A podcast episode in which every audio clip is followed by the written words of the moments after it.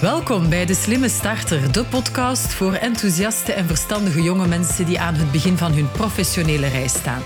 Hier krijg jij van mij, Letitia, de tips, de tricks en de inzichten die je nodig hebt om jouw carrière succesvol te lanceren. Duik met me mee in het leven van een slimme starter terwijl we inspirerende verhalen en interviews delen met mensen die echt iets te vertellen hebben. Ontdek hoe zij hun weg naar succes hebben gevonden en leer van hun ervaringen, zowel de hoogtepunten maar evengoed de uitdagingen. En of jij nu op zoek bent naar carrièreadvies, motivatie of gewoon een dosis inspiratie nodig hebt om jezelf te ontplooien, de slimme starter is jouw wekelijkse metgezel op deze opwindende reis. Dus sluit je bij me aan terwijl we samen op zoek gaan naar de sleutels tot jouw carrière succes. Laat je inspireren, leer en groei met de slimme starter.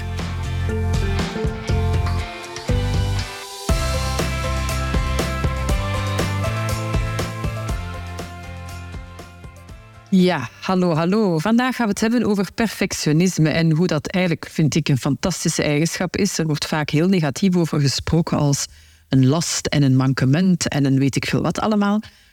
Ik zie het eigenlijk als iets fantastisch, als iets wat kwaliteit levert en waar je eigenlijk wel ja, ervoor zorgt dat iets er mooier, beter, efficiënter, waardevoller en dergelijke door gaat worden.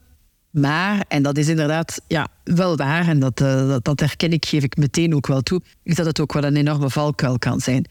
En dat is eigenlijk wel eentje, moet ik toegeven, dat als je gesprekken voorbereidt, bijvoorbeeld om naar een uh, bedrijf te gaan, ja, dan kan perfectionisme jou uiteindelijk wel een enorme ja, parten gaan spelen. Daar komt het eigenlijk op neer. Ja, een paar weken geleden had ik uh, bijvoorbeeld zo'n gesprek dat ik uh, moest voorbereiden om, om um, ja, voor een eventuele samenwerking. En ja, dat, dat ging uiteindelijk echt wel bijzonder ver. Hè. Ik, ik uh, had het hele bedrijf bij wijze van spreken, voor zover ik kon, had ik nagekeken. Ik had um, ja, alle personen eigenlijk gesproken die ik zou kunnen spreken vooraleer ik tot het echte gesprek kwam. Ik had heel mijn presentatie netjes klaargemaakt, tot in de details. Waren alle ja, puntjes en komma's in orde gemaakt. En um, ja, dat ging zo eigenlijk eindeloos door. Hè, tot zelfs wat ik aan had die dag. Uh, tot hoe ik uh, sprak. Ik had zelfs het gesprek op zich al voorbereid. Ik weet niet of jullie dat doen, maar ik had zelfs dat al een klein beetje voorbereid. En op een bepaald moment dacht ik van, wow, dit is ja dit wordt toch wel eigenlijk een klein beetje te gedetailleerd. Je kan niet alles onder controle houden. Je kan het eigenlijk niet zo tot in de details gaan blijven voorbereiden. Want ja, waar eindigt dit eigenlijk? Maar goed, het, het was een heel erg sterk gevoel. En ik had er op zich wel plezier. Ja, had ik er tijd voor, dat weet ik eigenlijk niet. Maar ik had er vooral eigenlijk wel plezier voor. Uh, of in, beter gezegd, om dat ja, ook effectief te gaan doen. Dus ja, ik bereid dat al voor. En uh, ja, dan blijkt dat gesprek heel goed te lopen. Echt fantastisch goed te lopen. Met alle uh, mogelijkheden, kansen tot ja, we nemen nog met jou contact op. En ja, dat soort typische uitspraken die er dan zijn. En um, ja, een goede twee weken later kreeg ik uiteindelijk dan uh, een hele beleefde uh, mail waarin stond van ja, na intern overleg hebben we toch beslist om bla bla bla bla bla. Je kan het al raden, het werd een nee. Ik was daar nu zo van overdonderd. Ik was daar echt ongelooflijk van ja, gedaan, omdat ik zo giga hard mijn best had gedaan om en de presentatie in orde te hebben, om en voorbeelden te voorzien, waardoor de, de, de vragen, de concrete voorbeelden uiteindelijk ook konden worden geïllustreerd. Ik was zo overtuigd dat, dat wat ik te bieden had echt heel veel meerwaarde had. En dat geloof ik, by the way, nog altijd. um, maar ik had er totaal geen rekening mee gehouden dat het voor de, uh, het, de partner, de persoon met wie ik in gesprek was, het bedrijf met wie ik in gesprek was, op dat moment nog niet relevant genoeg was.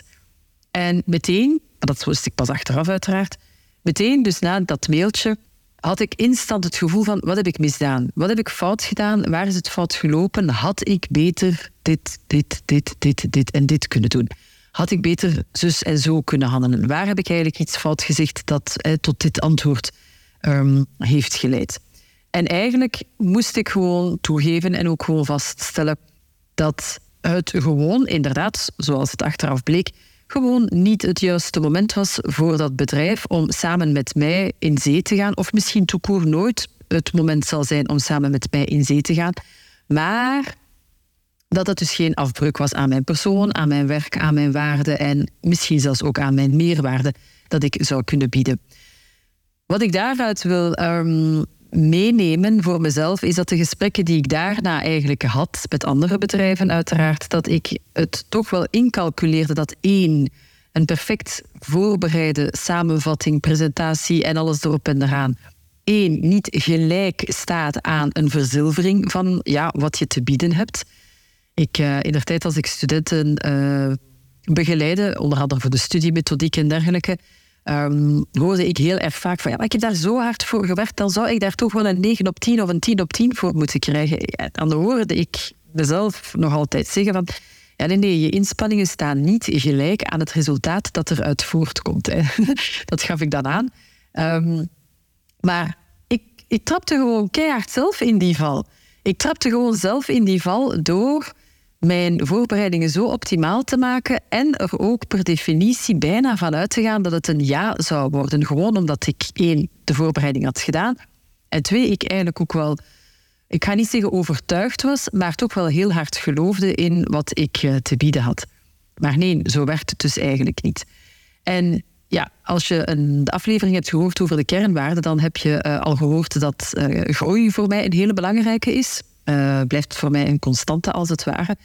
En ja, dat heb ik daar uiteindelijk gewoon uit voortgenomen dat, of uit voortgehaald, ik zal het zo zeggen, dat dat ene gesprek geen fout is of geen ja, afwijzing is van mij als persoon, zoals ik daar net heb aangegeven, maar dat dat gesprek mij sowieso wel ook een tip heeft opgeleverd en een inzicht vooral heeft opgeleverd naar hoe ik het de volgende keer kon aanpakken. En één van die inzichten is inderdaad de ja, garantie eigenlijk hebben dat het niet per definitie gaat lukken, ook al maak je er je voorbereidingen voor. En twee, dat een perfecte voorbereiding niet automatisch leidt tot een ja of een verzilvering van wat je te bieden hebt. Moet ik het daarom de volgende keer minder doen? Um, ja en nee. Nee als in, ik hoef er niet zoveel tijd voor te gaan uh, uittrekken om het te gaan oefenen en nog eens oefenen en nog eens oefenen. Maar ja, als puntje bij paaltje komt, dan gaat een, een, een um, gesprekspartner niet automatisch naar je presentatie bijvoorbeeld gaan kijken of naar de details die jij effectief heel erg belangrijk vindt. Wil ik maar zeggen, het gaat uiteindelijk over een hele oefening die je maakt. Um, maar het gaat uiteindelijk ook over ja, jezelf een beetje de tijd en de ruimte geven om daarin fouten te maken. En dus ook ja, van laten groeien. Ik, ik blijf bij die kernwaarden die ik in een andere aflevering ook eh, ter sprake heb gebracht. Om daaruit te leren. En ik zou er perfect voor kunnen kiezen om nooit meer gesprekken aan te gaan. Om nooit meer bij dergelijke klanten eigenlijk te gaan aankloppen. Of om te zeggen, maar ja, nee, dit is echt niet voor mij. Ik ben niet goed genoeg. Of ja, welke negatieve connotaties je er ook zou kunnen aankoppelen. Um, daarvoor zou ik kunnen kiezen. Maar nee, ik kies ervoor om eigenlijk uit al die mini ja, neens, die mini-mislukkingen, want ik weet zelfs niet eens of het überhaupt een mislukking te noemen is. Ik denk het zelfs eigenlijk niet. Um, om daar telkens toch wel één iets uit te halen dat ik naar het volgende gesprek zou kunnen meenemen. En ja, effectief, mensen, het is niet gelogen. X aantal gesprekken later opnieuw hetzelfde parler, dezelfde voorstellen, dezelfde presentatie. Uiteraard ondertussen al wel wat geoefend, dus het zat wat meer in de vingers en dergelijke. Ja, en het werd ook effectief een ja. Het werd ook een effectief een, een, samenwerking. Um, waarbij er uh, ook qua kernwaarden en dergelijke, want ook daar heb ik het in de andere podcast over, waar het effectief wel klopt. Dus moet je je oeverloos en eindeloos gaan uh, voorbereiden op een gesprek? Mag prima is absoluut geen probleem. Wordt dat een constante? Ja, dan is dat eigenlijk wel, lijkt mij, een hele uitdaging. Dus waar kan jij, ja, wat kan jij meenemen uit je voorgaande gesprekken, uit jouw inzichten, uit jouw kennis en dergelijke, om dat mee te nemen naar een volgende gesprek zonder het gevoel te krijgen dat je telkens uh, wordt afgewezen? Want ja, het is niet een, per definitie een afwijzing van jou als persoon. Um, en ja, nee, perfectie betekent niet automatisch uh, dat wat je ook doet, hoe mooi het ook maakt, hoe perfect het ook voorbereidt, hoeveel uitleg je er ook aan geeft, dat het ook um, ja, gewoon lukt. Doet mij trouwens een denken ook aan een aflevering van Bones. Onlangs was ik naar een aflevering aan het kijken van uh, ja, Bones samen met mijn dochtertje. En ja, Bones, uh, de, de, de antropologe die alle onderzoeken doet moest in een juridische zaak haar zaak gaan verdedigen. En zij sprak allemaal in heel technische termen, als in heel gedetailleerd. En het moest zo en niet anders. En het was ook perfect voorbereid. En ze was er ook van overtuigd dat ze daarmee haar zaak ging winnen. Ja, wat even toen in die aflevering op dat moment niet het geval was. Ook zij besefte dan op een bepaald moment dat waar jij helemaal in zou gaan, waar jouw perfectie volledig naartoe gaat, dat is niet iets waar een ander altijd op zit te wachten of waar een ander ook op dat moment nood aan heeft. En het is niet omdat zij jou daarin niet volgen of niet erkennen of niet begrijpen, want dat kan eventueel ook, dat was in het geval van Bones toch zo, dat het een afwijzing is van jouw persoon of dat jij iets niet kan. En dat jij iets niet meer zal kunnen ooit, of dat het nooit meer mogelijk is. Integendeel. In het tweede deel van die aflevering um, had ze dan ingezien op welke manier ze het dan eerder wel moest aanpakken, zonder tegen haar principes in te gaan. En ja, uiteraard, in elke van die afleveringen loopt het dan uiteindelijk goed af en haalt ze dan ook wel haar, haar punt. Dus de rechtszaak werd dan gewonnen door uh, het team. Um, maar voilà, dat is het hem net. Je kan dat zo voorbereiden, zo gedetailleerd als je dat wilt. En dat is helemaal prima, zolang je je daarin uitleeft, tot daar waar jij je nog amuseert is het een geweldig gegeven om iets perfect voor te bereiden. Van zodra je het gaat zien als een beperking, als een last, als iets waar je heel veel tijd en energie in steekt, als iets wat jouw uh, zelfvertrouwen eigenlijk wel een deuk geeft of zou kunnen geven, ja, dan zitten we wel op een andere piste. Dus bereid jouw gesprek gerust voor, zo gedetailleerd als je wil, zolang jij je daarin amuseert. Van zodra je merkt dat het een, ja, een soort van rem wordt, uh, ja, dan heb je echt wel een heel ander verhaal. En dan pak je het eigenlijk wel best op een hele andere manier aan. Als in, wat heeft mijn voorgaande ervaringen of hebben mijn voorgaande ervaringen allemaal opgeleverd? Wat neem ik daarvan mee? En ik neem dit mee in mijn voorbereiding zonder mij daar ongelooflijk druk in te maken. Want, zoals ik daarnet aangaf, op een bepaald moment vallen alle puzzelstukjes toch in elkaar. Of het nu binnen een week is of binnen zes maanden. Maar op een bepaald moment lukt het.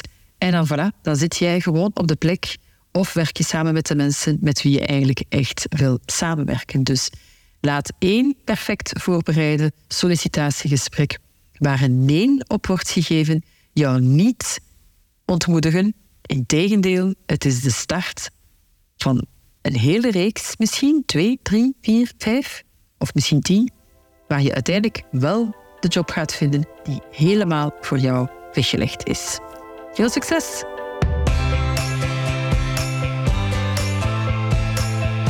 Dit brengt ons al aan het einde van deze aflevering van De Slimme Starter. Ik hoop dat je hebt genoten van de inspirerende verhalen, de waardevolle inzichten en de praktische tips die ik vandaag met jou heb gedeeld. Onthoud dat jouw carrièreavontuur net begint en ik sta altijd aan jouw zijde om je te begeleiden op weg naar jouw succes. Wil je meer horen en blijven profiteren van de wijsheid van ervaren professionals? Abonneer je dan op mijn podcast en mis geen enkele aflevering. En vergeet niet om me te volgen op social media zoals Instagram, Facebook en LinkedIn. Voor updates, extra bronnen om jouw carrière te stimuleren. Je kan me daar trouwens vinden onder de naam Oida. Bedankt dat je hebt meegeluisterd bij De Slimme Starter. Ik kijk er naar uit om je in de volgende aflevering opnieuw te verwelkomen. Tot dan, blijf gemotiveerd en blijf werken aan jouw dromen, want jouw carrièreverhaal begint hier.